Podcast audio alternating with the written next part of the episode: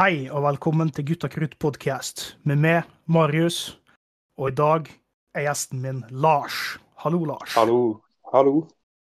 Og Lars, hvis du skulle beskrevet deg sjøl som reptil, hva ville du vært da?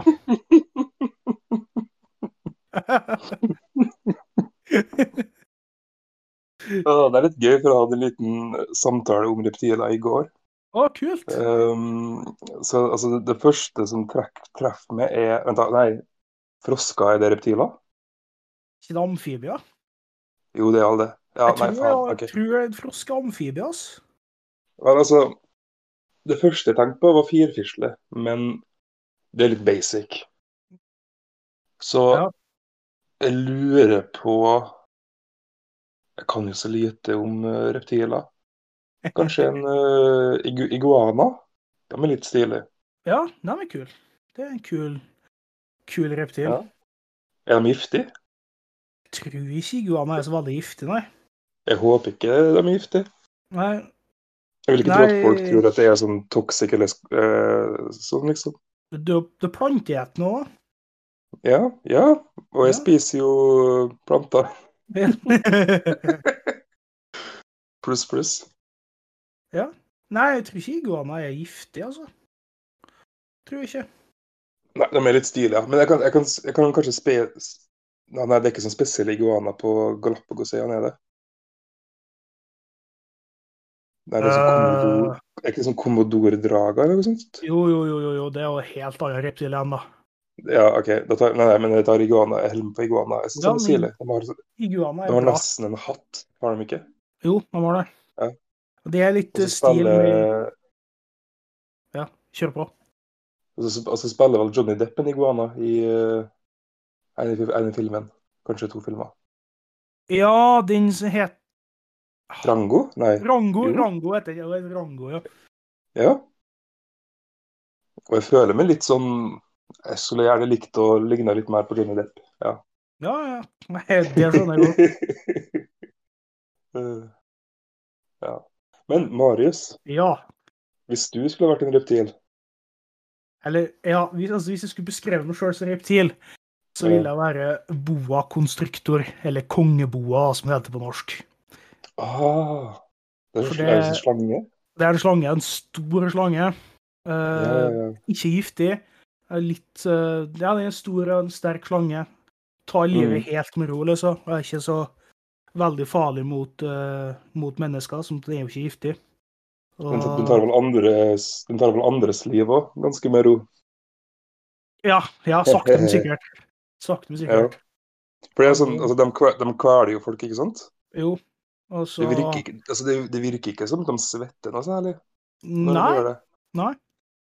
Fra det jeg har sett, da. Nei. Og så ligger Så ser jo bilder av dem når de har eh, spist dyr som er litt for store til dem. Da ligger de Mm. og fordøyer med en hel hest liksom inni Ja, ja, ja. Åh. det husker jeg. Nå kom på den der eh, Så du på Åh, Brandy og Mr. Whiskers? Var det en serie? Er det det heter? Ja, ja, ja, ja. Minte meg litt på sånn gammel eh, Jeg husker ikke hvor det gikk. eh, Disney eller Cartoon Netflix eller noe sånt. Er usikker på. Ikke så viktig. Men der tipper jeg den scenen scene med at de er inni en boa, boa konstruktor, og så ser du eh, armene og hele linja til kroppen, på en måte. Ja, ja. Det, Mm. det er litt leken, ja. mm. Iguaner er ganske små, er de ikke? Ja, relativt Halvmeter, tenker jeg. Men Ja, det er sånn litt mindre enn en katt. Litt mindre enn passe stor katt, altså. ja. En, en fot, en amerikansk fot, 30 cm. 30 cm, ja. Ja. Ja, vi sier det. Verken du eller jeg studerer biologi. Nei, det gjør vi ikke. Det Ikke at de lærer om øh, De måler kanskje ikke iguana på biologi heller. Når jeg tenker. Nei, jeg er ikke så sikker på det.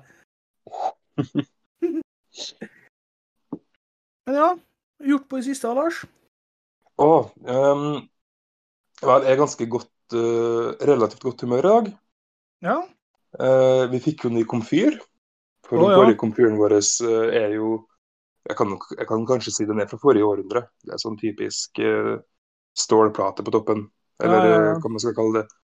Um, Bruker lang tid på å varme opp plata. Og så ovnen hadde ikke, har ikke undervarme. Eller hadde, hadde ikke undervarme. Nei. Så ja, så det gikk jo litt dårlig. Det tok litt lang tid før vi fant ut av det. Ja. Et par frossenpizzaer som tok litt for lang tid og ble overstekt. Um, og et par brød som uh, kom ut feil da fra ovnen. Ja, ja, ja. Eh, men det som er så bra nå, er jo at nå vet jeg at det ikke er som suger til å lage surdeigsbrød. Det var faktisk eh, en, god kokk, skylder ikke på utstyret. Nei, nei, nei. men jeg, er verken en god kokk, og jeg har ikke godt utstyr. Nei. Men nå, jeg, nå har jeg lyst til å lage mat. Jeg, jeg, jeg har lyst til å lage eh, grønnsakskraft, for jeg, jeg lagde det for litt siden. Den var kjempegod, helt nydelig. ja, ja, ja. Og det blir masse nelliken og litt, eh, fen, og fennik. Eller fennik, hva heter det? Fenniken? Fennikel, ja. Fennikel, ja. Ja. En fennikel oppi. Masse sopp. Fin, god Ja. umamismak.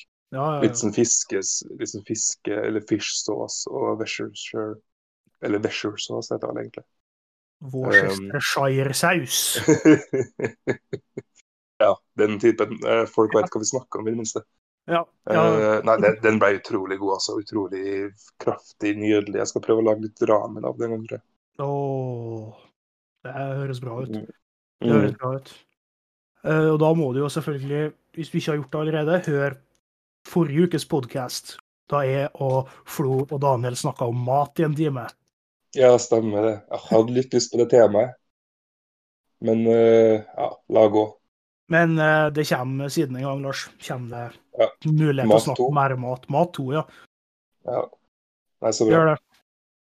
Ellers um, jeg, jeg føler meg ganske komfortabel med studiene mine for tida. Jeg leser ganske sånn eh, Ikke utrolig masse hver dag, men jeg leser eh, fast hver dag. Ja, men det er viktig Um, å ha fast ha faste tider. ja. altså. Ja, jeg er blitt- jeg er blitt flinkere på det med korona, føler jeg. Mindre ting som eh, tar eh, fokuset, på en måte. Men ja, jeg driver og For tida driver og redigerer litt podkast. Det ble jo litt seint. Jobba nattskift i forrige uke, så Eller denne uka her. Og vi ble litt seine, for vi måtte ta og recorde opp noe, jeg og Daniel. Så ble jeg rettelig stressa. Funnet at jeg takler stress kjølig dårlig. For at uh, det var nesten så jeg ble sint. Det vrista. Jeg trodde det var sint på Daniel for at han var litt sein, men det viste seg at jeg egentlig bare var skikkelig stressa. Mm. Eh, Så det er klart, lever rolig liv. Når eh, det første tegn på stress, så er det risting og, og slikt. Så ellers så vil jeg kikker litt på, på noe hus, da. Ja, ja, sant det. Ja. Sant det. Så jeg har vært på noen visninger der. Så ble det lagt inn et bud på Ja, når podkasten her kommer ut, har jeg allerede lagt, ut, uh, lagt inn et bud, da. Så får vi se hva det blir. Ja. Det er veldig Jeg er glad på dine vegne. Herregud, få Ja. sitt hus og greier. Åh, tror det blir godt. Tror jeg. Så Altså, litt i det sporet, så Ja. jeg, jeg ser jo litt etter å flytte, jo. Fordi eh, altså, jeg liker jo å bo her jeg bor nå. Eh, Rommet mitt er litt for lite til det jeg liker å ha det. Eh, Jeg må velge mellom å ha elpiano og skrivebord, og nå har jeg elpiano. Og så henger gitaren min på liksom en krok på skapet og sånt. ja. Um, så det er ikke optimalt, men uh, det er skikkelig tynt mellom veggene her, altså. Ja. Det Det det. Skjønner at det kan bli trygt. Så jeg holder på å leite litt. Eh, Jeg har en venninne som kanskje får ei, et rom eh, i kollektivet deres åpen. Ja. Det håper jeg, håper jeg skjer. De virker som en hyggelig gjeng. Uh, og så har jeg jo sett litt rundt omkring, da. Men jeg skal nok få til å greie det i løpet av sommeren, i hvert fall. Tror jeg. Ja, ja, ja. Siden det er korona, og folk eh, har på en måte Folk har ikke masse av det sosiale, så føler jeg at veldig mange har begynt å føle på hvordan er det vi egentlig har det når vi ikke har så mange ting som forstyrrer oss i hverdagen. Og mange tror jeg finner at vi er litt annerledes enn det vi vanligvis tror vi er. Så jeg har jo annet funnet ut at jeg liker å ha et uh, rom som er helt stille, der jeg kan henge på. Det, det visste ikke jeg at jeg likte før. Jeg trodde ikke at jeg likte det. Nei. Men uh, det kan òg være en ting med at jeg har blitt litt gamlere. Det er jo mitt fjerde studie i år. Uh, femte hvis du teller med folkehøgskole.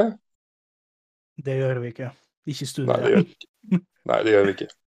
Um, så det kan jo bare være rett og slett det, da. Jeg har jo begynt å kjøpe duftlys. Jeg har uh, Å, du. Jeg bruker ikke duftlys, jeg, nei, men jeg har sånn uh... Jeg har sånn veksmelt, som det heter. Jeg bruker Å oh, ja. på som beholder. Og jeg har jo et telys gående akkurat nå. Bare. ja, men er, er, det, er det sånn at du tar den beholderen over noe varmt, så smelter det? Er det, er det sånn det funker? Ja, på en måte. Eller, altså, du legger jo den voksklumpen da ligger du oppi ei skål som det er telys på under. Det er jo egentlig det som er greia.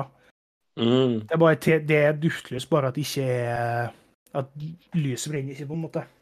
Mm. Jeg skjønner.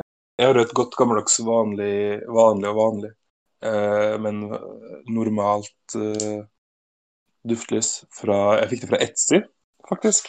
Ja. Eh, det det er jo en side der folk lager ting sjøl, og så sender det ut, ut i den vide verden. Det er det. Eh, men jeg har da Flor de Lin, eller linblomst. OK, ja. Den er veldig fin. Eh, veldig mild lukt, men eh, ja. Jeg liker den, da. Gjør jeg. Jeg bruker Jeg bruker et uh, Har et spesielt merke som heter Yankee Candle. Bruker jeg, Nå er det nå er det, De har jo både duftlys og waxmelt. Og, så det Nå brenner jeg en lukt eh, fra litt sånn julelukten min. Brenner siste har jeg med eple og kanel. Mm, å, det er god lukt. Ja, det Det, er kjempegod lukt. Det passer vel eh, Det passer egentlig best til høst og sånt, føler jeg. Seinhøst. Men eh, Jo, det kan jeg, men jeg hadde fra Jeg kjøpte etter, etter jul, for jeg hadde en sånn eh, julekalender som er sånn duftvoks. mm, stemmer det. Stemmer det. Det, det har vi vel vi har snakka litt om det. Ja, vi har vel gjort det. Så eh, Nei, så nå brenner det, da. Skal jeg ha noe Har noe flere spennende lukter klar til neste runde. Men uh, åh, bare sånn at vi får det her on the record for hele verden å høre på. Uh, jeg tror min favorittlukt er black cardamom. Den syns jeg er nydelig. Helt åh, amazing. Ikke for sterk, den bare er litt sånn i bakgrunnen, Ja, hvis du skjønner. det er sånn som en, Jeg liker mest sånn uh, uh, fruktige lukter, da. Åh, Så, men jeg har laga liste om hva som var best i, i, i julekalenderen min. Jeg husker ikke hva den heter. Den, jo, eh, fiken og mulberry var som best der. Det er veldig veldig god lukt. Det blir da mulberries. Hva det er for noe, det vet jeg ikke. Men det var i hvert fall utrolig god. det føler jeg. jeg vet. Er ikke det sånn mur murta? Murta? Er det en ting? Nei. Nei, vi hopper over det. Ja, Vi vi gjør det. Multe? Multe? Det er det ikke, da, for det er cloudberries. Nei, ok, ja. Hvitmorbær heter det på norsk. OK, hvitmorbær. OK. Og fiken, fiken er jo helt nydelig. Ja, så den var Det er, veldig det, er- det er god lukt av. Den må jeg den, den skal jeg stjele. Skal vi gå over til dagens tema? Ja, vi har vel et tema Vi har et tema for dagens podkast. vi har brukt utrolig lang tid på introduksjonen, tror jeg. Ja, vi har nå catcha litt opp og har hatt litt problemer med teknikken òg, så Vi har det. Vi har det. Vi har det. Så skal vi bare begynne å snakke om eh, Dagens tema er jo rollespill. Og vi det er jo to, to stykker som er hovedsakelig er game masters, som mm. kjører spillene. Sjøl om jeg syns det er veldig artig å spille no, noen ganger. Og det er bare litt uh, er noen spørsmål som jeg har lurt, lurt på, og det er Mm. Vi kan aller først komme en liten oppklaring på at det er snakk om eh, en slags eh, tabletop-rollespill. Ikke Ja. Det finnes et parti på rollespill. Eh, noen egnet for å snakke om i podkast, noen ikke. Ja. Det er du helt rett i, Lars, og det har ikke jeg tenkt på engang. Og da, det, da, snakker vi om sånn rollespill type Dungeons and Dragons, uh, Call of Cthulhu, Pathfinder og sånne Det som kalles tabletop RPGs. Nei, det er egentlig pen and paper RPGs. Tabletop RPGs er mer sånn eh, RPGs. Warhammer med sånne figurer og sånt. OK, ok, ja, da skjønner jeg. Da skjønner jeg. Så har vi helt på regnet, så veit hva vi snakker om. Mm. Ja, for man, man trenger ikke figurer og sånt når man spiller Dungeons and Dragons. Man kan ha alt som en spiller seg i Theater of the Mind. Ja, det liker jo jeg. For det første så er det jo mye mindre arbeid Mm. som kjører, for oss som kjører spillet. Mm. Eh, klart det jo, kan jo være litt til hjelp hvis du skal følge reglene til punkt og prikke. Mm. Eh, Altså, men jeg, må, det er en ting jeg, liker spesielt med Theater of the Mind. Veldig, for, veldig mange folk undervurderer hvor sterkt det virkelig kan være. Um, jeg har en slags filosofi når jeg er dungeon master eller game master, som det heter, men òg når det spiller. Kan du høre meg? Ja, jeg hører. jeg Bare hør på hva Ok. du sier. Nå, eh, kom, det kom ikke opp noen ikoner når jeg snakka. Okay. Ja, ok. Um, det at jeg liker jo Jeg har en sånn her vinyl um, ark, på en måte stort vinylark som er veldig tynt, som jeg kan bre over et bord Ja. og tegne på. Ja. Nå har vel ikke du spilt med det, da? Det fikk jeg her i Nei. Trondheim. Nei, jeg har ikke gjort det. Mm. Men uh, jeg liker hovedsakelig Altså, jeg bruker sånn som ting jeg har rundt, rundt omkring i rommet, hovedsakelig pokerbrikker ofte. Okay, ja. Um, men jeg syns det ofte er mer Det er enklere å leve seg inn i enn hvis man har et veldig realistisk miniatyr. Ja, Det er jeg litt enig i. Fordi Mm. at uh, på en måte du har gjort opp litt hvordan karakteren din uh, Hvordan karakteren din ser ut, og hvordan den er, da. Og så får du på en måte et bilde på det som du kanskje ikke har tenkt, når du må fram med en eh, miniatyr eller en figur, på en måte. Ja, ikke sant? Og så er det jo litt det her med at uh, man er jo som, of, som oftest så maler man den sjøl, og den blir ikke så bra mala som man egentlig kanskje ville. Uh, og så er de jo ikke veldig uh, fleksible. De har jo én fasong. Ja, De man- står jo ofte med et sverd opp mot himmelen og sånt. Og Ja. det er litt rart hvis du skal flytte mellom noen eh, handelstelt, da, eksempel, eller gjennom en by. jeg skjønner hva du mener. Mm.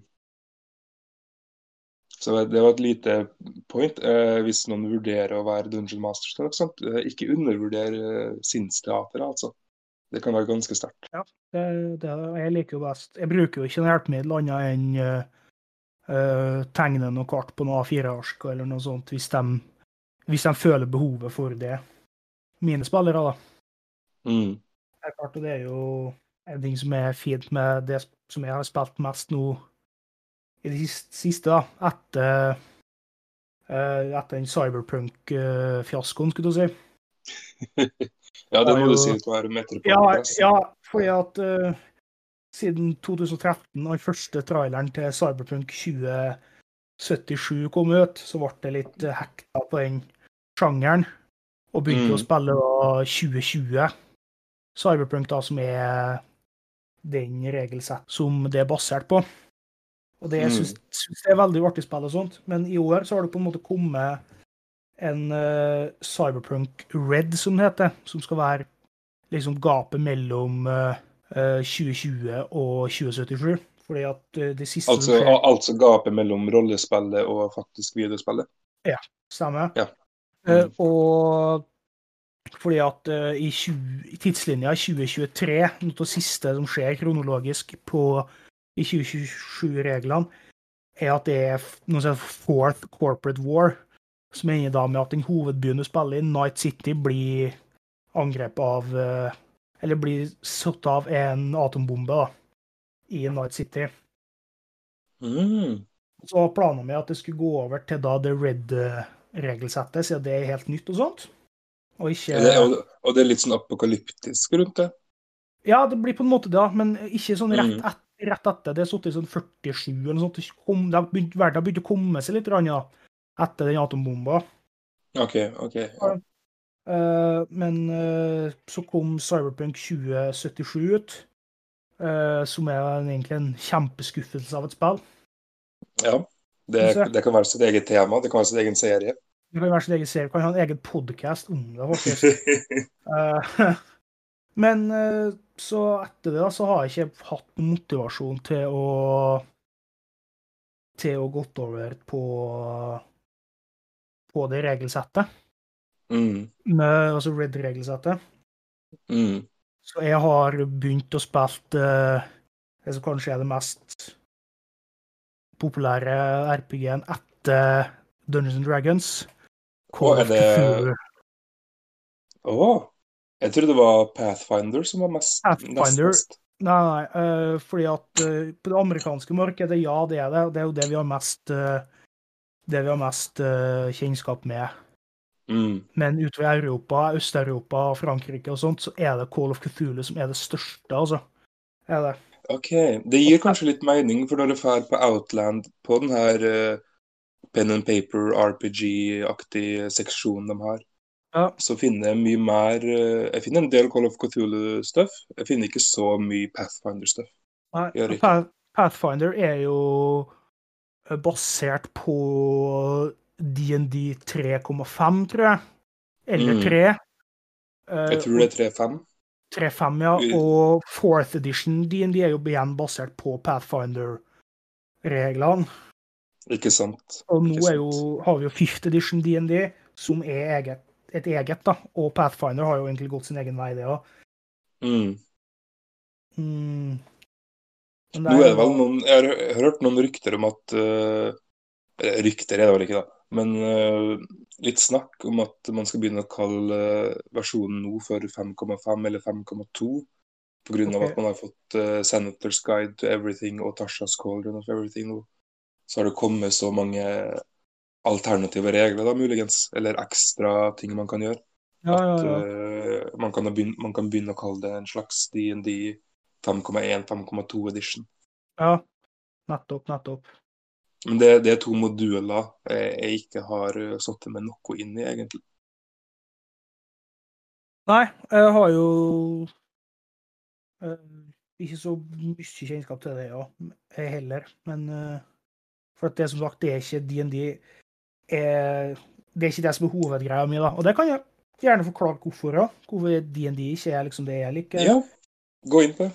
Ja, det har litt med den type karakter du er i DND. I DND så er du veldig Du er veldig helt, på en måte. Og mm. når jeg har spilt DND, uh, så føler jeg på en måte aldri at karakteren min er i Er på en måte i livsfare, da. Ikke sant, ja. Og det har jo ikke noe med du som som Dungeon Master eller noen andre som Dungeon Master. Det er hvordan spillet er laga, hvordan regelsettet er. Mm, absolutt. Det er For du har ganske høy armor class hvis du De karakterene jeg spiller, har ganske høy armor class, og det, det tar vanskelig å ta å få ned på null hit points, og når du er på null hit points, så har du jo kan jo kaste seks ganger omtrent for å få komme Eller fem ganger, da. For å komme til i live og og slikt. Og jeg er ikke helt sikker med sånn førstehjelp og sånt, hvordan det er i DND. Det er jeg litt usikker på. Jeg har ikke kommet over at det har vært aktuelt når vi har spilt. Um, Nei, men det, det, er kanskje en ting jeg har vært litt uh, dårlig med å forklare. Men altså, når jeg spilte med dere, så var jo jeg helt nybegynner som Dungeon Master òg. Um, men jeg tror, jeg tror reglene sier noe som at hvis du får hjelp og combat er over, så kan man stabilisere seg ved en ja, medisinsjekk eller noe sånt. Når combat er over, så kan du stabilisere, ja. Du tror ikke du og det, og, det, og det, er veldig enkelt å gjøre. Det er litt for enkelt å gjøre det, ja, tror jeg. jeg føler det, fordi at uh, Og i Call of Cthulhu da, så har du jo både en uh, Du har liv, og du har veldig lite liv. Og det tar Ting tar mye skade. da. Vanlig pistol, eksempel, har 1 D10 uh. Mm. Og en vanlig person har kanskje toppen 12, 12 HP, da. Okay. Så det er okay. litt uh, så skjønner, Allerede der skjønner du jo faren. Og så har du noe som heter sanity. er jo i Mm. Call som er Ja, altså du starter, og så må du ta sjekka hvis det møter på noe som er uten vanlig, da, så kan det jo faktisk bli gå insane. Og det er jo en ganske artig artig game mechanic, syns jeg, da. Mm. Synes jeg, som jeg syns at, Dungeon- at Call of Cthulhu gjør mye bedre enn Dungeons and Dragons. Mm. Jeg tror eh, DND, hvis du ser litt sånn bak, bakerst i Dungeon Master-guiden, så er det noen alternative regler du kan bruke når det kommer til insanity, sykdom osv. Men det blir bare forklart over en slags over én paragraf, liksom. Ja, det er jo Eh, Så, så det, det er veldig underbrukt, og ingen bryr seg egentlig noe særlig om det, Nei, som er litt synd. For jeg er jo Jeg syns det er jo en skikkelig game mechanic i eh, Call of Cthulhu, og da har du jo Hvis du så så mye sanity, så får du på en måte blir noe sånt temporarily insane. Og da har du f.eks. at du får blackout, eller du har noen game mechanics da, som gjør det ganske, gjør det ganske spennende og uforutsigbart. Mm. Og ja, liker det veldig godt, da. Og derfor har jeg Og tidligere så var jo Cyberpunk var jo min Jeg har brukt spilt mye Cyberpunk, og da var det liksom ett dårlig kast i combat, så er du skutt i hodet, og hjernen din er mala på veggen, liksom. Ja, man skifter karakterer ganske raskt. gjør man ikke? Ja, er ganske raskt, men så det skal lite til, da, for at uh, du må bytte karakter. Mm. Det er kanskje litt sånn Det er vanskelig å impleme, im, hva er, hva er alle dager det ordet implementere um, en sånn mekanikk i Dungeons and Dragons. For der er det sånn hvis du er level 3, så er du basically ganske kjent, en ganske kjent person, egentlig. Ja, Ehm, du er liksom Folk har det på folkemunne, liksom, hvem du er. Ehm, Såpass tidlig, liksom, i hvert fall når du har kommet til sånn level 5-6. Da Så det, det blir litt sånn Da gir det ikke mening å skifte ut karakter så ofte, fordi hvor mange folkehelter skal det finnes, liksom? ja, ja. ja. Jeg skjønner det, det er helt Jeg skjønner det, og det er som sagt det er Klart det blir jo Jo lenger du spiller med karakteren, jo bedre, mindre vil du at den skal dø, på en måte, men jeg liker å lage nye karakterer. Det må jeg ærlig innrømme når jeg spiller sjøl. Jeg syns det er ganske gøy. Ja, absolutt. Og karakterer må ha en slutt, må det. Det, Mhm. det er bare sånn det er. En Mhm. storyline må bli ferdig. Ja. Men en annen ting som jeg syns er veldig artig med Call of Cthulhu, da, eh, det er jo mitt neste spørsmål, er jo For Call of Cthulhu har veldig mye eh, published eh, scenario og, og hele campaigns.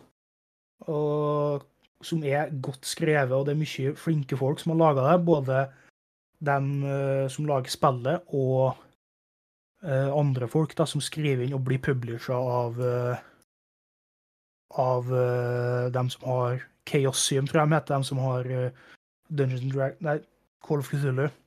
Mm. Og hva er du, tankene dine om sånn premades scenario og sånt? Jeg syns det er Jeg syns det, det er bra. Kan være bra, men når det er i sånn i Call of Cthulhu, så er det altså så mye bra at du trenger nesten Kan gå gjennom et helt liv med Call of Cthulhu og ikke lage scenario sjøl, på en måte. Mm, jeg skjønner. jeg skjønner. Altså, Det finnes jo veldig mange scenario i Dungeons and Dragons fra før av. Ja. Um, og det er jo på en måte, Jeg, jeg mener å tro at det er sånn Dungeons and Dragons på en måte begynte. At, at det var det man spilte. Man spilte gjennom en, et, et scenario. Ja. Um, det gjør det jo så klart veldig forskjellig hvis du er en Dungeon Master. da. Det, det, det er mye mer jobb å lage en campaign fra ish scratch, men uh, så klart er det jo òg mer arbeid å gjøre det. Ja. Uh, nå håper jeg den nevnte at det var mer gøy, ikke sant? Ja. Ja. Um, og da blir det på en måte ditt eget. Det som er litt dumt med det, er at du som DM alltid veit, eller nesten veit, hvor historia drar han. Du veit alltid hva valga er, eller følga av den valga. Ja. Og det gjør du kanskje ikke hvis du har et scenario, da. Um, Du må jo være forberedt når du har scenario, og du må jo liksom Du er jo med å spille med dine spillere, men du må jo ha forberedt deg litt, ja, på en måte, når du får Ja, ja, sånn- absolutt. Du må, du må vite uh, Spesielt du må jo vite hva forskjellige NPC-er kan, og hvilken informasjon de kan gi, Ja. Videre. Men det er jo mer at uh, Da leser du litt på en måte det sjøl. Altså, så du oppdager ting på nytt. Eller du oppdager Ja. ting som Ja. Dungeon Master. Og det, og det kan være veldig gøy. Og det er mange scenarioer jeg har lyst til å spille. Eh, spesielt eh, Jeg lurer på Jeg tror Dungeon Dragons har et scenario med Cthulhu. Mm, ja, det er litt sånn cosmic horror. Ja, det har de. Ja. Uh... Um, for det Men jeg, jeg, altså, og det virker gøy å spille noe sånt, og det virker gøy å spille noe uh, For eksempel uh, Å, hva heter det? Uh, oh, jeg hadde på tunga mi i stad. Han der vampyren. Curse of Strad. jeg har så jævlig lyst til å spille Curse of Strahd, Lars. Har jeg. Ja, jeg, og du, du kjenner jo meg, jeg har, jeg har en ting for vampyrer. Ja. Og- glad i vampyrer. Jeg har jo hørt uh, noen podcaster som har spilt eh, mye Curse of Strahd. og De begynte vel i Death House, tror jeg.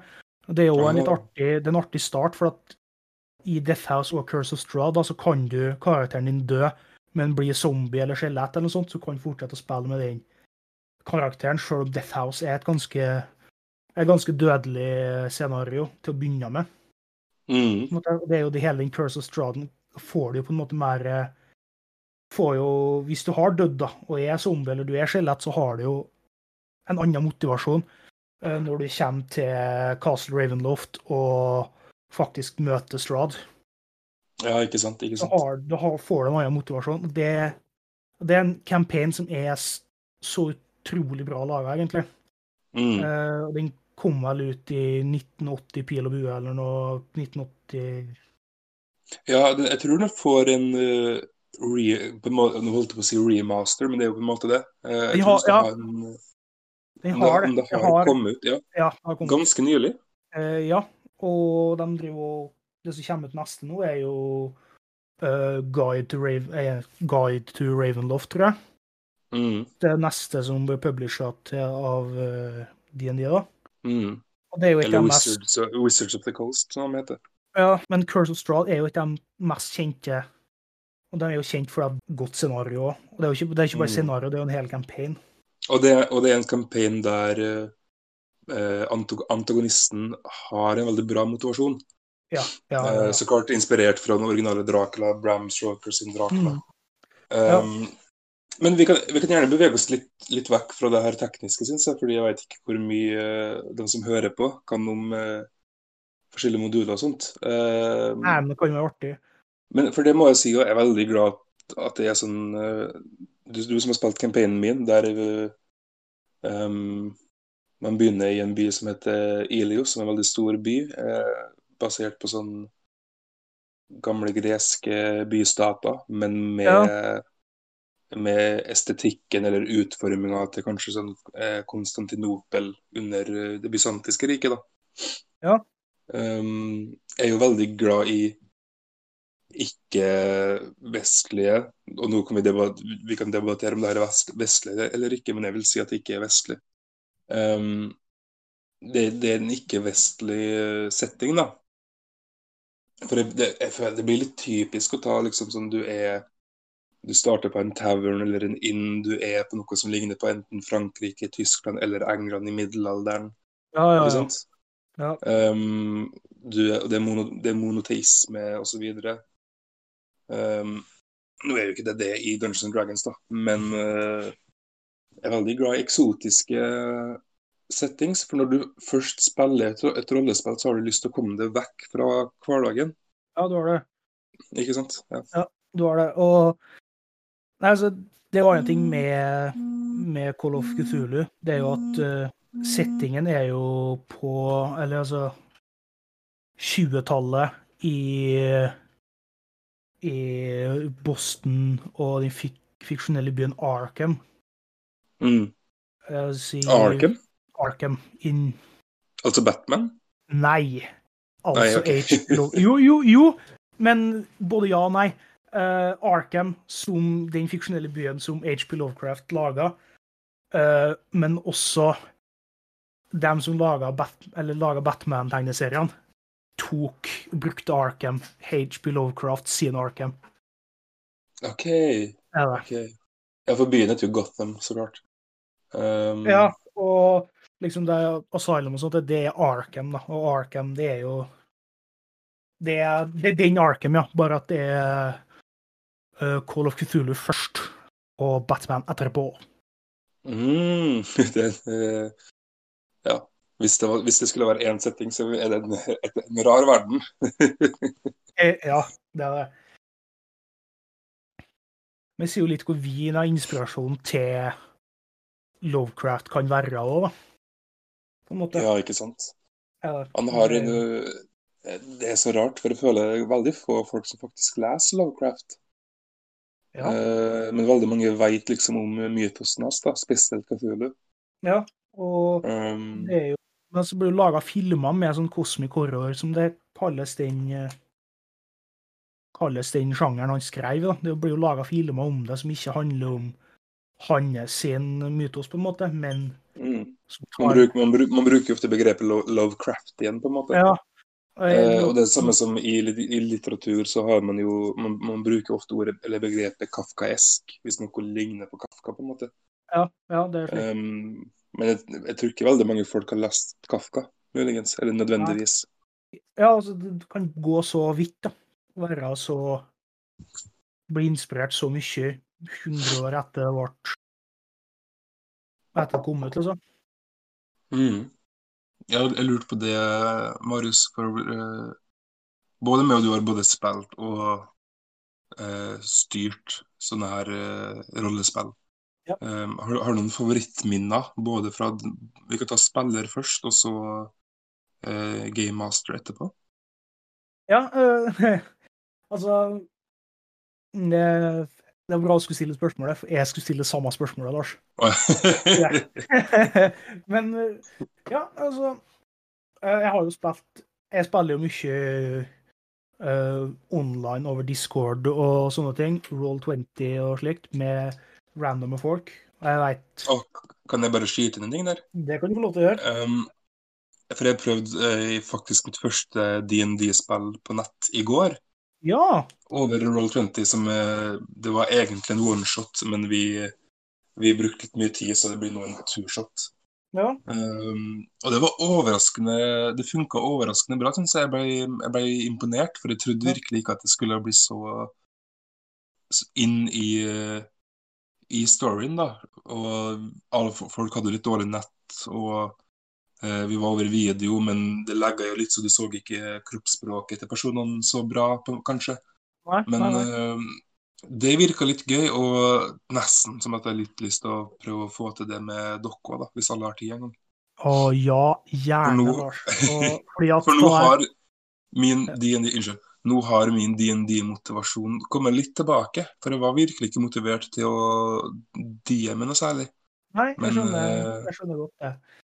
Du, og spesielt når det, du har mye arbeid i det, i hvert fall sånn som den DND-campaignen din, og likeens når jeg kjørte Cyberpunk òg.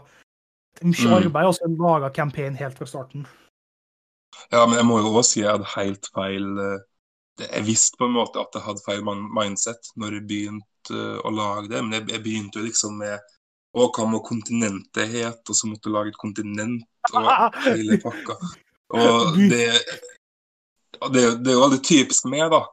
Ja, det er det. Um, men nå skal jeg virkelig eh, Dere har jo kommet til en landsby i den kampanjen vi spiller. Um, jeg skal virkelig prøve å gjøre det til ganske færre settings, eller ikke så store settings, arealmessig. Ja. Uh, og prøve å fleshe ut karakterene litt mer og sånt, da. Ja. Um, og så videre og så videre. Og det tror jeg skal greie å inkorporere i, i storyen som, som den er nå. Så det blir gøy. Det kan hende at jeg gjør. Vi får, men vi får se. Jeg er litt opptatt. eh, Jeg prøver, jeg prøver å fokusere på skole. Ja. Men uh, så klart, man må jo ha noe, man må jo gjøre noe på gøy òg. Selvfølgelig, selvfølgelig. Og, men eh, tilbake til dit vi Ja. spørsmåla. Eh, for at en av mine favoritt som spiller, det må litt på grunn av eh, settingen hvor vi var. Liksom, det var kompisene som begynte å spille, på en måte. Mm. Eh, det, jeg har flere skikkelig høydepunkt i den campaignen så langt, da. Eh, Men det er min? Din, ja. Å! Nå ble jeg glad. at det er liksom det vi har spilt når jeg har vært spiller og spilt med kompiser, så har det vært Ja, det er sant, det. Er sant, det. noe Det, det løfter et hakk, da. Det er jo jævlig klisjé å si akkurat det, men jeg føler Mm. virkelig at det løfter et hakk. Det gjør det. det, gjør det. Eh, Så det jeg syns eh, Først, da, det var jo artig den eh, helt i starten med den gamle mannen vi møtte nede i kloakken. Og han er Der-. Ja, der det var har, Kommer du med én Skyrim-referanse til? Ja. Ja, og så kom det med Skyrim-referanse, og det ble jo allerede der begynte vi jo uh, vår karriere som murder hobos. Vi har ikke spilt en time uh, engang. Hva var det? Det var, det var Hans som var sånn der eh, Nei, Han kom med en Skyrim-referanse, og jeg var sånn Kommer du med én Skyrim-referanse til, så kommer det en armbrøstbolt mot det. Og han gjorde det, og jeg bare var sånn der Du hører en fsj fra uh, The Distance noe sånt, en bolt flyr forbi det, og du ser en gammel skrøpelig mann med en arm Der, med en der skulle du jo Allerede der skulle du jo hatt en perception. Du skulle ikke sagt det, du skulle bare, bare hatt perception-kast av alle sammen. og så Hvis ikke, så Ja, ja, ja. Jeg burde ha det, kanskje. Jeg Ja, men det er sånn, jeg syns det var, synes det var drittartig. da. Eh, Og så likeens eh, Når vi var til den landsbyen vi kom, kom til nå akkurat, så var vi jo inn på mm, hva det var, om det var uh, borgermesteren sitt uh, lokale, skulle du si. Ja, det var et slags rådhus, eller du Ja, kan- kan- rådhus. kan var- det. Ja. Ja, og jeg var liksom så tydelig Jeg skjønte at jeg ble leda ned en gang og skjønte at OK, nå blir jeg lura som bare pokkeren, altså. ja, ja, ja. Ja, og jeg lot meg lure fordi at eh, jeg liker, som sagt Jeg vil ha litt uh, Ha litt fare i mine veier, da, på en måte. Ja, nei, jeg, jeg syns alltid det er gøy. Det er Så Man skal ikke være så forsiktig som spiller, da, syns jeg. Nei, og jeg liker å gjøre ting som er det som er artig, på en måte. Mm. Uh, og ikke det som er lurt. For eksempel når vi tok, tok uh, store genocide på hele, en hel eh, gjeng med sigøynere. Og vi brukte Ja, web, ja, ja, ja, ja, ja, ja. vi brukte web Det- og bonfire, ikke sant? Og jeg gikk gjennom det var virkelig Det var virkelig uprovosert. Det var det. Det var sånn Da- en, en karavanne med sigøynere er foran dere i veien og ber dere fære ut, uh, ut av veien. Skal vi ikke bare ta og drepe dem? Det var jo da jeg endra min karakter for å være uh, Hva heter det når du ikke er lawful? Uh, neutral? Nei, neste. True? Nei, chaotic? Nei, chaotic, ja. Jeg var chaotic neutral uh, til Ja. chaotic uh, ikke neutral lenger. Så chaotic evil, sikkert, da. chaotic, Ja, chaotic evil. Mm. Og, det, og, og karakteren min går gjennom så edderkoppnettet som vi har, som er som er i flammer, og så jeg sitter fast, og jeg brenner, og sånne ting. Det syns, jeg syns sånne ting er dritartig, da. Gjøre Altså, som ba, ba, bare for å minne på folk settinga. Dere kom til en sigøynerkaravane. Eh, de ba dere om å dra vekk av eh, veien for de skulle forbi, og det, altså, dere tok det ikke i det hele tatt. Jeg tror Torius eller eh, Sigurd kaster web. som Sigurd kast- som Sigurd kaster web. Ja. Sigurd kaster web, som gjør at det da blir spindelvev langs hele området fremom dere. Det er jo så klart Det er jo så klart highly flammable. Um, og alt sammen Og nå må vi huske på at både karavaner og hester og sigøynere for så vidt brenner ganske godt. um, med et par unger oppi. Ja. Så ja. Grusom ting, å- grusom ting å gjøre. selvfølgelig. Ja, herregud. Igjen, Um, det jeg finner på jeg skal gå gjennom flammene, for jeg tenker at det er kult. liksom. Og du sier ja, du må kaste det og det, og så feiler jeg, og så sitter jeg fast, og jeg brenner sjøl, og Sånne ting da syns jeg er dritartig å holde på. Mm. Du kan jo prøve å minne på at hvis du har varma opp noe litt sånn geléaktig før, noe sånt, det, det kjennes jo litt ut som napalm.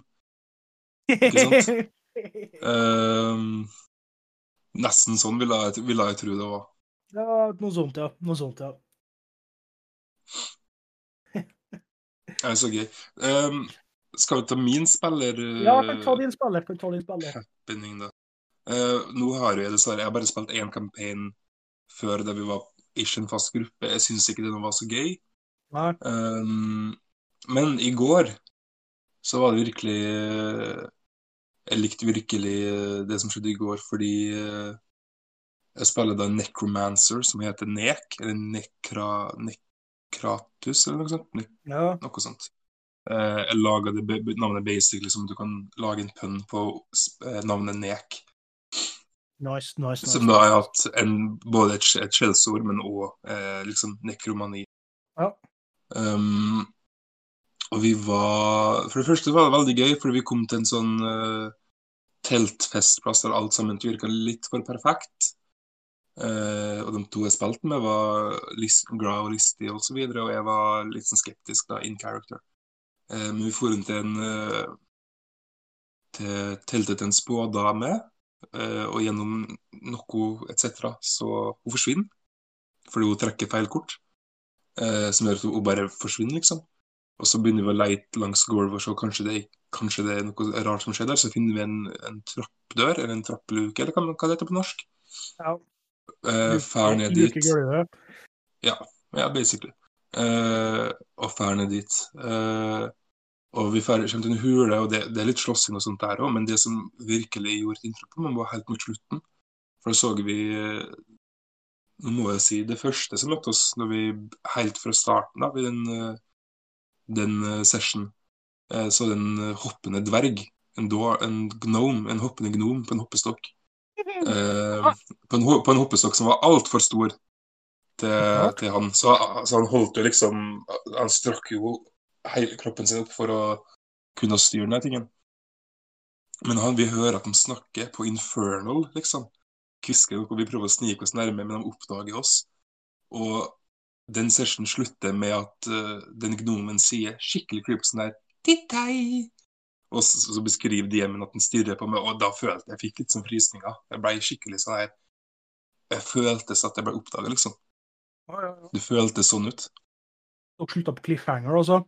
Vi slutta på en cliffhanger. Eh, det var, litt, eh, det var litt seint. eh, han uh, DM-en fikk litt hodepine osv. For jeg, jeg, jeg var med nett, så klart. her. Aldri unnskyld å Um, slutte med cliffhanger. Det er så bra å slutte med cliffhanger. Nå har jo en campaign som slutta på cliffhanger, der eh, eh, vi ikke har spilt på et par måneder. eh, som slutta med at én dude skøyt en armbrøstbolt. Eh, så liksom Der slutta vi, og han skal rulle for å treffe neste gang. Nice. Ja, for at når du slutter med cliffhanger, så har du jo på en måte Da vil du jo på en måte uh, Ja, altså, du vil spille mer, da. å spille. Du Ja, ikke sant? Og det, Eh, og så er det det det her med at jeg tror det har noe med at man, man husker så godt storyen bedre, for man husker så godt hvordan ting avslutta. Ikke sant? det er På en annen podkast jeg hørt der, er to eh, GM som sitter og prater i lag, så er det de siste ti minutter du husker. Ja, ikke sant? Mm. Ja, nei, det, det er helt sant, det. Og, du. og du må liksom få det til å overlappe med neste gang. Du kan ikke Ja. ha så masse tid imellom, da. Med mindre det gir veldig mening, så klart. Men Ja. Uh, Ja, for at uh, min Cyberpunk 2020-campaign, uh, som jeg har med en gjeng, der er på en måte stoppa for vi skal gå over til neste Eller til Red, da. mm, For vi fikk på en måte en naturlig avslutning. Og jeg ville gå over Når vi spilte det sist, så ville jeg gå over til det, til det systemet. mm. Eh, Så det ble jo bare å få lurt den gjengen til å begynne å spille Call of Cthulhu istedenfor, så ble det dritbra. Det, men eh, der var det på en måte Kunne vi ikke slutte med cliffhanger, for at neste runde på en måte blir ja, 25 år fram i tid. Mm. Ja, da, da, da er det litt verre. Og det er flere som ville ha nye karakterer og sånn. Det får se hva vi gjør. Om vi fortsetter. Hvis de virkelig vil gå over til Red, så skal vi gjøre det, altså. Men hvis de er åpne for å spille Call of Cthulhu, gå til New England på 20-tallet, så har det vært kult for min del, det òg, altså. Ja, eh, har du en, eh, en favoritt-DM-øyeblikk? Ja, det er Med Cyberpunk-gjengen min.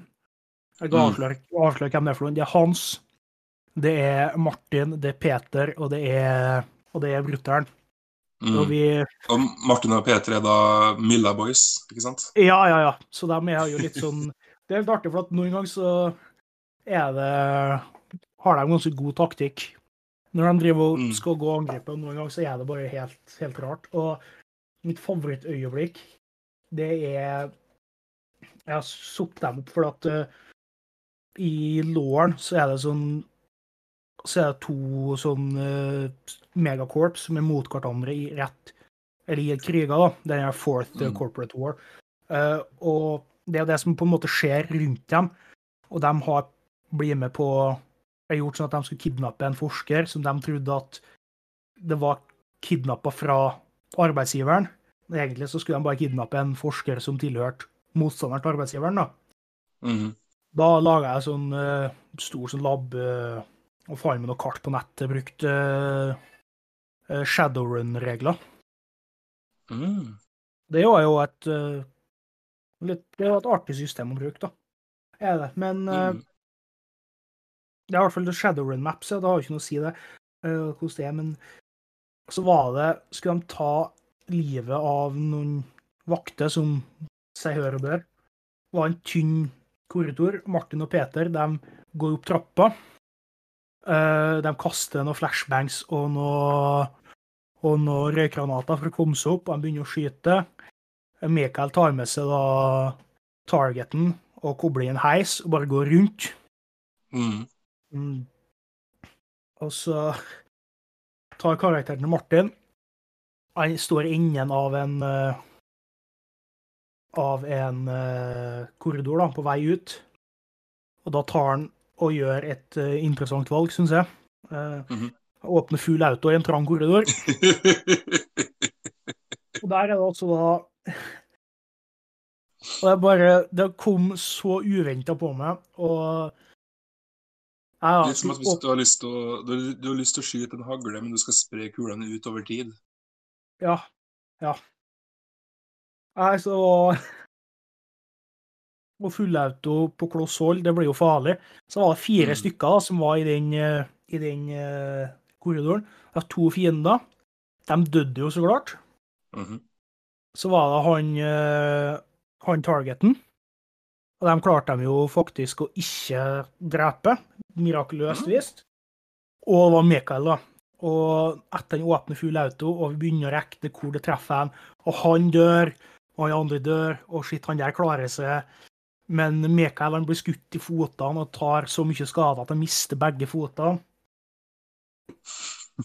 Det var jo en sånn Stakkars Mikael. Ja, ja, ja, det var jo en sånn helt Ja, det var og Bare det å komme på og ta full Tenke ikke på seg sjøl, eller tenk, Da skjønner jeg at Martin er god til å spille karakter, altså. Når han bare Mm. tenker at kar feil for karakteren at nei, åpne full auto denne gangen her, så gir vi litt faen til han, til mine kompiser og, sånne ting. Ja, så, men av og til så er den best, det beste valget du kan gjøre, og da mener jeg best sånn storymessig, for du, du burde tenke på story overalt annet, er av og til å spille litt dum, fordi det kan hende at karakteren din er dum, eller han er Ja, ja. impulsiv, eller at han er litt, uh, og så videre, og så videre, ikke sant? Ja, ja, ja. Jeg er helt enig. Jeg er helt enig. Og jeg berger nå, Det blir jo et bergingsoppdrag på Michaels karakter òg, da. Og vi tar han med til en sånn Ripperdock etter han får nye bein. Mm. Så neste karakter da som blir må gjøre, for da er ikke Peter med, så jeg må gjøre sånn at det blir et kidnappingsscenario eller noe sånt. Sånn at det Peter blir kidnappa, sammen med den, eh, med den fyren, da. Som han Mm. skulle redde. Og Martin bruker jo mye penger på å fikse beina til Mikael. Det blir jo skulle bare mangle. Sin neste campaign, da, så skal karakteren til Mikael skal dodge unna noe skudd. Han klarer jo ikke å dodge unna, han blir jo skutt og blir jo drept. Og det var, det var så mye. Og det var litt lang tid der, så jeg har planlagt med, med Mikael og lage en sånn Han fikk jo noen motivasjon mot Martins karakter. Mm. Jeg tenkte å få noen sånne hevngreier der, men så blir Mikaels karakter drept. og det er greia, det, det, det, er det skikkelig Og så spør jeg hva, hva skal vi gjøre med karakteren til Mikael. Ja, de vil bare la han ligge, liksom. Så han ligger jo utafor et lagerbygning eh, i nede i Night City den dag i dag, liksom. Det, ja, det, er, det er sånne ting, da. Det er sånne ting. Og da var det Mm. ganske langt mellom, og jeg hadde liksom planlagt det og det og det, og det, og så, og så dør karakteren til meg. mm. så hele Ja, det, hele det surret der, da. Og det er jo en sånn ting som når uh, spillere går sånn at ja, du har laga planlagt og planlagt, og så går spillerne dine en helt annen vei enn hva du har planlagt. Så du sitter og improviserer fra, fra omtrent første minutt. eh. Ja, absolutt. Altså, du, du burde lage et skikkelig grunnleggende skjelett. Eh, som er liksom sånn der, er som en slags sirkel rundt spillerne, fordi de kan bevege seg både nord, sør, vest, øst. Og med nord, sør, vest, øst så mener jeg de kan gjøre veldig mange forskjellige valg, da. Ja. Ikke sant? Eh, men hvis du har det skjelettet, så vet du alltid hvor den retninga beveger seg hen, og da er det så utrolig enkelt å improvisere. Jo. Eh, men det, det er virkelig det med improvisasjon. Det er utrolig viktig. Mm. Men eh, er, det min, er det min tur, da? Ja, det er din tur. For nå har jeg tenkt litt. eh, Ja, bra. Fordi jeg prøver, jeg, jeg prøver å finne på et. eh, og, og du har jo allerede sagt eh, litt sånn gode, gode ting som skjer med, med dere. Um, men jeg må si min favoritt-DMA-øyeblikk var fra Åh, nå blir det, nå blir det litt vanskelig. Uh, jeg kan nevne to ting, da. Kan jeg? Kjør på, kjør på. Um, aller første, første session med dere likte jeg virkelig virkelig bra, for jeg hadde Jeg følte virkelig bare den byen. Um, at det nevnte sånn uh, Det kommer et uh, en fjæraktig skapning gående langs en gangvei som da var karakteren til Hans. Uh, og han gikk liksom langs sånne rulle, rullende bakker med gyllen sand langs uh, veien og så utover den her store byen som heter Ilios, med et uh, palass slash borg på en stor klippe i midten, og nedover mot sjøen så er det liksom en landsby lenger vekk. Det er veldig åpenbart basert på Aten, da. Ja, ja, ja. Det var ikke det Um, masse vi tenkte på å brenne her, var det? Um, gjorde dere det? Hæ? Ikke være i hvert fall noe stor bygning vi tok og brenne. Uh, Jo, ja, ja, ja, sant det. Nei, det var, det var en rikmanns personlig bolig. OK, OK, ok, greit. Det var det. Det var ikke eh, Nei, nei, det, var, det, det her er Nei, det var ikke det. Um, okay. Det er utrolig mye større. Men eh, jeg, jeg koste meg bare skikkelig masse med å beskrive den byen, og beskrive liksom stemninga du hørte rundt, og jeg hadde på litt sånn god eh, God stemningsmusikk. eh, Ja. Og jeg likte spesifikt så likte jeg kunne liksom se, se det for meg at når jeg beskrev eh, Det høres ut som at jeg skryter av meg sjøl at jeg er veldig flink på beskrivelser. Det, gjør, det prøver jeg ikke å gjøre. Men at jeg beskrev at man så, så forskjellige farger av tøy som eh, flaksa i vinden fordi de var ute etter tørk. Ja. Og at du kunne lukte de her eh, mange krydder av eh, kanel og paprika videre som var, i, var rundt omkring i, i byen. Um, og sånt. Det, det syns jeg var veldig, veldig behagelig. Og det virka som at dere likte byen òg, i hvert fall. Ja, for at Um, det du Nå skal jeg skryte litt av det. Du beskrev det så bra at på en måte at byen ble litt karakter av, så skjønner jeg. Ja, ikke, ja ikke bare en helt, Helt tilfeldig by. Det ble liksom Det var noe mer med byen, da. Mm, Og det er jo den måten du starta på, at eh, den karakteren eh, kom inn til byen, og så traff på først da, eller traff på først da en uteligger, og, som er min karakter. mm, Uh, og Rass etterpå da Torjus sin karakter, som var ble jakta av han vakte og laga action Nei, Starta med mm, skikkelig god beskrivelse på, på hvordan eh, byen var, og laga den så den på en måte ble egen karakter. Og så gikk du rett i action. Det er mm. en av de beste startene jeg har hatt, for det er ganske mye starter å starte på, starte på en tavern og sånne ting. Ja, sånn som den campaignen spilte i går, som nå har blitt en turshot, der eh, det ble jo mekka sammen ganske raskt og gærent, egentlig, så jeg, det, det er absolutt ikke kritikk. Uh, for jeg koste meg med den sessionen veldig masse. Men der var det jo sånn uh, betingelsene rundt det på en måte krevde at uh, for at jeg skal gi mening, dere alle sammen finner en slags portal mens dere går en tur i skogen, som dere går igjennom, og så plutselig så er det tre folk rundt dere, er to folk rundt dere som dere ikke kjenner, og dere ser en telt, et par telt lenger ned og sånt. Nå for jeg til legen i går, tror jeg det var, eller forrige gårs. Um, for jeg var litt redd, for jeg, jeg syns hjertet mitt slår litt hardt av og til, men det viste seg å ikke være noe. Uh, men mest sannsynligvis er det relatert, relatert til nerv, at, man, at jeg er nervøs eller jeg til tider føler meg litt engstfull og sånt, ikke sant? Det går en gang for mye til lege enn en gang for lite. Ja, Ja. helt enig. Og jeg, og jeg går egentlig litt for lite. Ja. Men når jeg, var, når jeg var til legen og jeg snakka litt om at ja, jeg har litt angst for tida osv., så, videre, så la jeg merke til også at han Hvis jeg stoppa å snakke, så holdt han kjeft til jeg begynte å snakke igjen. Ja. For liksom tvinge til å enten si det noe nå, eller så har vi litt sånn klein stillhet. ja. Og det tror jeg er et redskap Dungeon Masters og Game Masters kan bruke, at hvis karakteren ikke rollespiller eller ikke sier nok, bare ikke si noe, og vent at de begynner igjen, for da, da kondi- conditioner du dem til, på en måte Da tenker tenke at hvis jeg ikke sier noe nå, så er det stille. Så, så DM-en tar ikke opp den stillheten. Ja, ja. ja. Det var et godt tips. Jeg skal ta med meg videre.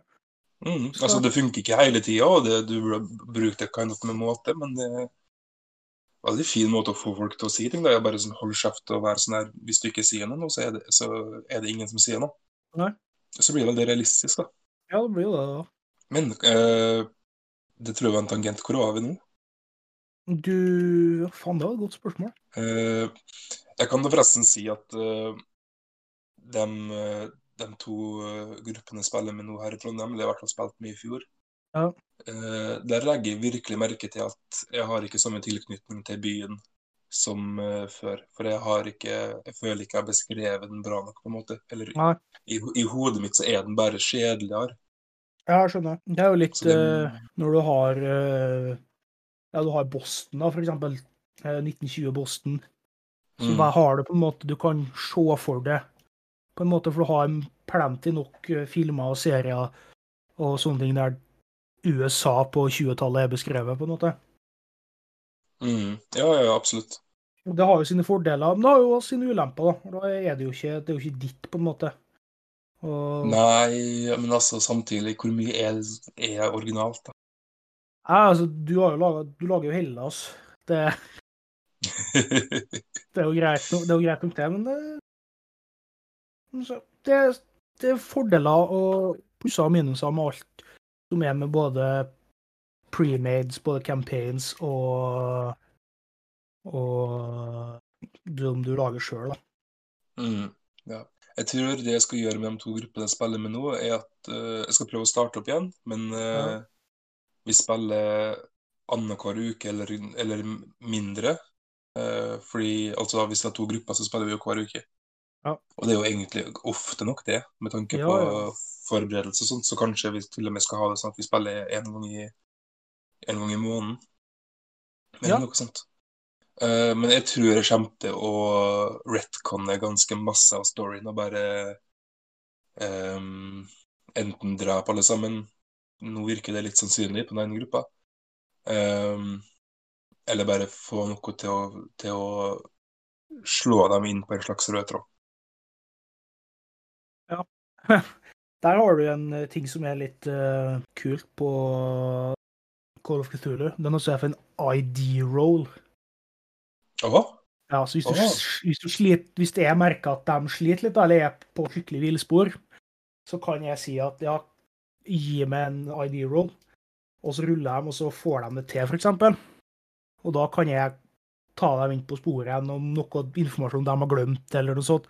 Så jeg at ja, du husker på at han der Du fikk beskjed om at han der kunne være lurt å snakke med, eller noen sånne ting, da. Du kan få altså, mener, det er en id- idérull? Ja.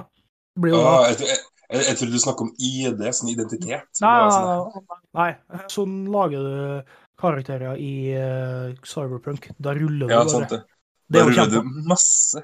det blir kjempemye. Men det er jo kjempeartig. Er det? Mm. Nei, Mm. så det, det er en idérull, ja. Er det, Mm. er ganske useful. er den. Når du spillerne dine sitter skikkelig fast. Så har du jo den eh, fantastiske D20 reality check, da. Den er jo fin. Reality check? Ja. Det er Var ikke det, var ikke det en, ja, var ikke det en spøk? Jo, det var en spøk. Jeg brukte den i en campaign. Altså. Gjør jeg. OK, forklar. forklar. Jeg var sku... Det var en karakter som åpenbart For jeg hadde laga en MPC som var så god. For at det rulla fire tiere eller sånt når jeg skulle lage statsa hans. Mm. Eh, og da måtte jeg lage en karakter som var så god at han Var så god at han drepte den karakteren, da, for å få bort den OP-karakteren. Mm. Eh, og så var det Tror jeg det var noen av dem som vurderte om de skulle hjelpe, da. For det var et fengselsfluktforsøk der. Eh, fordi at gjengen ble satt i fengsel. Så nå skulle jeg hjelpe og sa ja, gi meg en eh, Gi meg en eh, D10 reality check. Så, så kasta han åtte, og så sa ja, nei. Spring din vei, til her er ikke din kamp, liksom. Øh, det er sånn rollespillversjon av Checkers her, liksom. Ja.